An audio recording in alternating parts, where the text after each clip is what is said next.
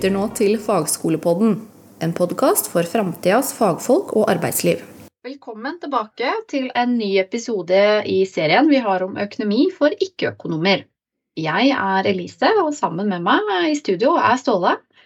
I dag skal vi dykke dypere inn i regnskapets verden. Ståle, husker du forrige episode at vi snakka om at ordet økonomi stammer fra antikken og Hellas? Ja, det var fascinerende, men vet du hva som er enda mer fascinerende? Regnskap og prinsippet om dobbeltbokholderi ble faktisk funnet opp av italienske munker i middelalderen. Ah, det høres ut som en spennende historie. Så mens vi i antikken lærte om forvaltning av ressurser fra grekerne, så lærte vi om regnskap fra munker i middelalderens Italia? Absolutt. Tenk deg at munker i klostrene kom opp med en metode for å holde oversikt over penger og eiendeler. Det er ganske utrolig. Det er det altså. Og for å hjelpe oss med å forstå regnskap bedre i dagens verden, så har vi en spesiell gjest med oss. Men før vi introduserer ham, la oss snakke litt om de viktigste begrepene i regnskap. Ja, vi har inntekter, kostnader og selvfølgelig lover, forskrifter og standarder som styrer hvordan regnskapet skal føres. Men først og fremst har vi jo kjøp og salg. Yes. Og det bringer oss til dagens hovedtema regnskapsføring. Velkommen til Fagskolepodden, Kjartan. Vi har gleda oss til å snakke med deg i dag. Eh, kan du begynne med å fortelle litt om deg selv? Takk, hyggelig å være her. Mitt navn er Kjartan Bærum fra Fiken AS. Jeg har vært med i Fiken nå i de siste syv årene. Jeg Var den første ansatte som begynte i Fiken, og har vært med på den veksten vi har hatt i den perioden. Så nå jobber jeg på det som heter tredjelinja, og jobber mye med kursing og opplæring både internt og mot kundene våre. Ja, Tusen takk, Kjartan. Kjekt å ha deg her. Mange av våre lyttere de har jo en drøm om å starte et eget eh, selskap og foretak. og ja, Når er det de må starte et eh, foretak? Hovedregelen går egentlig på at du skal starte et selskap, et foretak, når det du driver med, egner seg til å gå i overskudd. Det betyr ikke at du fast skal tjene penger på det, men rett og slett at dette er noe mer enn en vanlig hobby at dette er noe du ser for deg at du kanskje i løpet av noen år vil kunne tjene penger på det. Hvis du er der, så skal du starte et foretak. Du trenger ikke å ha mye omsetning for at du skal starte et foretak, men du må bare tenke at dette her er noe jeg vil ønske om å tjene penger på senere en gang. Bør de da starte et AS eller et enkeltpersonsforetak? Eh, jeg skulle ønske det var et veldig enkelt svar med to streker under på det. Dette er et spørsmål vi får veldig ofte. Eh, det er dessverre ikke ett klart svar på det, men det er et par ting som bør tenkes på. Eh, et par fordeler med f.eks. For aksjeselskap. Hovedfordelen med aksjeselskap er at du blir også ansatt i ditt eget AS. Det gir deg veldig mye bedre rettigheter, f.eks. med Nav, sykefravær, permisjoner, den type ting. Du har et mer begrenset ansvar, du har litt bedre rettigheter, du har muligheten til å sette opp et utbytte. Og hvis du har andre som vil være med i selskapet ditt, kanskje du har en idé som du senere ser for deg at du vil ha flere investorer i, så er et aksjeselskap klart å foretrekke. Sånn at jeg ikke anbefaler alle, absolutt alle da, til å starte et AS umiddelbart, er at det er litt mer jobb med et aksjeselskap enn et enkeltpersonsforetak. Det er litt flere skjemaer som må leveres. alle disse tingene. Det er, ikke, det er ikke veldig mye mer, det er ikke veldig vanskelige skjemaer, men det er litt mer jobb i det. Og, og hvis du skal ta ut penger til deg sjøl, så må du ta ut som lønn. På samme måte som hos andre. Um, mens et enkeltpersonforetak er det litt enklere. Da er det på en måte dine penger, både det enkelte ditt gjør og det du sjøl gjør.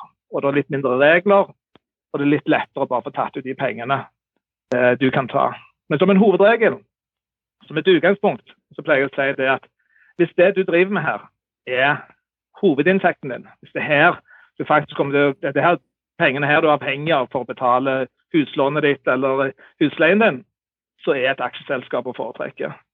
Det er det, det som gir deg mest trygghet og best rettigheter. Men hvis det derimot er bare en liten sånn ekstrainntekt, noen tusenlapper på toppen av en vanlig lønn en annen plass, så kan et enkeltpersonsforetak være enklere. Ja, Kjartan, Hvis vi starter med det grunnleggende, da, hvordan er det fiken kan brukes for å registrere økonomiske hendelser? Ja, Fiken er jo et eh, regnskapsprogram på internett. Eh, så, så, så lenge du har internettilgang, så har du tilgang til fiken. Og, og Hovedpoenget i et regnskap er egentlig å registrere kjøpene og salgene dine. Det er mange vanskelige regnskapsbegrep i, i regnskapsverden, men, men, det viktigste er å få inn alle kjøpene dine. Alle kvitteringene, alle fakturaene du har fått. Registrere det som utgifter. Og få inn alle salgene dine. For alle fakturaene, alt du selger via en nettbutikk eller hvor du selger det fra. Så det er det du bruker fiken til. Til å få lagt inn alle disse kjøpene, alle salgene. Gjør den jobben fortløpende. Så vil på en måte fiken lage de grunnlag for alle rapporter og grunnlag for alle skjemaer som da skal sendes inn. Så måte, Hovedjobben er bare å, å, få lagt inn disse tingene etter hvert som de skjer. Hvordan er løsningen løsningen holde oversikt over inntekter og kostnader, da? Ja, Det er egentlig så enkelt at hvis du legger inn eh, tre forskjellige kjøp, så, så, tar fiken og slår sammen de summene på de tre kjøpene du har lagt inn. Og så tar fiken da og setter disse de forskjellige korrekte plassene i regnskapet. så at du da får en, All utregningen skjer av programmet. Du må bare huske å få lagt inn hver enkel hendelse. Hvert enkelt kjøp, hver enkelt salg. Det er ikke noe mer. Du trenger ikke lære regnskap som sådan. Du trenger ikke å, å vite hvordan du skal sette opp noen rapporter eller hvordan du skal sette opp skjemaene. Du må bare få gjort den fortkjøpende jobben. kjøper du noe for 1000 kroner, ja, så må du få lagt inn dette som et kjøp i fiken for 1000 kroner. Og selger du noe, sier du har, eh, skal lage en faktura til kunden, så lager du bare den fakturaen i, kunden, i fiken, da, f.eks. 5000 kroner, så vil da fiken automatisk ta de 5000 og sette de på rett plassene i, i regnskapet. Hvordan er det det kan brukes i forhold til utbetalinger, da? Da kan du koble fiken til, til banken din, sånn at du da eh, Hvis du da har et kjøp, du får en faktura, den kommer direkte inn i fiken, i innboksen i fiken. Du klikker på noen få knapper der, og så sender du den òg til nettbanken sånn at den blir betalt i nettbanken. Så det er fordelen at du får på en måte alt automatisk integrert mot nettbanken. Senere sendte fiken automatisk informasjon fra nettbanken inn til fiken. Så hvis det er noe annet du har gjort som du ikke var en faktura fra fiken, så vil fiken allikevel se hva som har skjedd i nettbanken din. Sånn at målet er at du skal, måte, du skal slippe å være så mye i banken. Du skal bare kunne gjøre alt i selve fiken. da, Få automatikken inn her. Sånn at mest av mulig av de måte, litt kjedelige jobbene med, med, med, å, sjekke over tall og sjekke over gebyrer og alle disse tingene, skjer mer eller mindre automatisk direkte inn i programmet. Så er det jo viktig det her med likviditet, og da kommer vi inn på innbetalinger. Da. Hvordan er det systemet hjelper deg med å holde orden på innbetalinger, at du får penger fra kundene dine? Det er litt forskjell på hva type måte du selger på. Hvis vi tar den enkleste først, da, f.eks. at du selger en faktura fra fiken, da setter du den gjerne opp med en KID-avtale i fiken. Og da er systemet sånn at du sender ut en faktura. Og hvis kunden betaler, så er det glimrende. Da betaler via KID, og det blir automatisk registrert i regnskapet. Hvis de ikke betaler, så kan du sette opp sånn at fiken automatisk purrer alle fakturaer etter gitte intervaller. Fiken har et måte, egne system på at okay, etter én uke så sender du en purring, etter tre uker så sender du en ekstra purring, etter en måned så går den til inkasso hele dette løpet her kan skje 100% automatisk. Um, og Vi har òg en inkassobyrå integrert i fiken uten, uten, ekstra kostnad.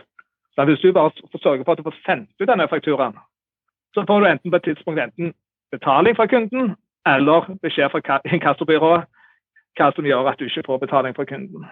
Så det er, det er jo I ja, økonomverden så er det jo mange ord, da, dette med utgift, kostnad, utbetaling. Og så har dere landa på Dere bruker jo litt sånn enkel tilnærming, da, bruker ordet kjøp og salg. Kan du fortelle litt om hvorfor dere landa på en sånn tilnærming? Hovedpoenget helt fra gründeren som starta dette her opp, var å lage et regnskapsprogram for folk som ikke er økonomer. Folk som ikke kan begrepene, folk som ikke vet mye om regnskap. Veldig mange regnskapsprogrammer er lagd for regnskapsførere.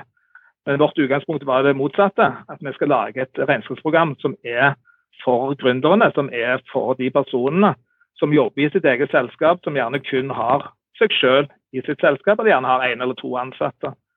Og, og, De fleste så tenker da egentlig på kjøp og salg. De fleste tenker ikke på inntekter og utgifter og, og, og disse her type ting. Det, det, er bare et, kjøp er en utgift du har hatt, et salg er en faktura du har hatt. Vi trenger ikke komplisere det med, med å bruke mer avanserte ord enn det, med, enn det, som er nødvendig. Så Det som er tanken vår med å, å ha enklest mulig språkbruk, både i programmet, men òg i alle hjelpeartikler, og når jeg setter Fiken forklarer, der vi har en slags sånn, eh, en ordbok, der vi prøver å forklare alle disse vanskelige ordene som er ute. Der du gjerne kan slå opp i den da, eh, og se hva, hva, disse mer avanserte ordene faktisk betyr, hvis du skulle se det i en plass. Det er helt topp. Um, med tanke på de kravene som det offentlige stiller, da, hvordan kan uh, fiken hjelpe bedrifter med det? Ja, Da er det igjen basert på disse kjøp og salgene du har lagt inn. Altså Når du har lagt inn alle kjøp og salg i et regnskap, så har du egentlig gjort det som er grunnlaget for de innleveringene som skal være. Og For de minste selskapene så er de aller vanligste innleveringer det er momsoppgaven, som leveres stort sett annenhver måned. Og så er det skattemeldingen, næringsoppgaven som dette før, som leveres en gang i året. Og hvis du har ansatte, så er det òg det som heter avmelding en gang i måneden, som er basert på den lønnen du betaler ut. Hvis vi tar momsoppgaven, hvis du da registrerer alle kjøp og salg i fiken, så er på en måte momsoppgaven lager seg selv i fiken. Da. da. Da, er det ikke noe mer du trenger gjøre for å lage den momsoppgaven, du trenger bare å sende den inn. Og Det er en jobb som du tar et minutt eller to å gjøre fra fiken. Du trenger ikke å gå inn på alt inn i det hele tatt. Du gjør på en måte hele jobben ferdig i fiken. Så Hvis folk sier at momsoppgaven er litt vanskelig og det tar mye jobb å få den til, så er det ikke selve momsoppgaven, selve oppgaven er veldig enkel. Det er å registrere tingene fortløpende. Det er å få inn alle kjøpene, alle salgene. Det er det som er på en måte jobben i regnskapet ditt. da. Når du driver eh, egen virksomhet, så er jo det å holde oversikt over pengene og økonomien det er jo en utrolig sentral oppgave. Da kan du fortelle hvordan fiken hjelper til der, å holde oversikt over økonomien? Altså, mange ser gjerne på regnskap som et nødvendig onde, noe som er bare du må gjøre, og så må du bli ferdig med det. Og så er det kun noe på skatteetaten sin skyld. Men det er egentlig litt mer. Det er òg en måte du sjøl kan få et bedre bilde av firmaet ditt. Eh, fiken vil til enhver tid vise på forsida i fiken så vil det stå eh, hva type inntekter og utgifter du har hatt basert på de kjøpesalgene dine i den siste perioden. Da vil det stå hvor mye du skylder i moms, hvor mye du eventuelt skylder i arbeidsgiveravgift hvis du har ansatte. Du vil, ha alle disse funksjonene. Du vil ha grafer som viser hva har du solgt mest av den siste tiden. Hva er de største utgiftene dine? Mange forskjellige måter å vise måte, et slags øyeblikksbilde da, av regnskapet ditt. Hvor er det du tjener penger? Hvor er det du eventuelt taper penger?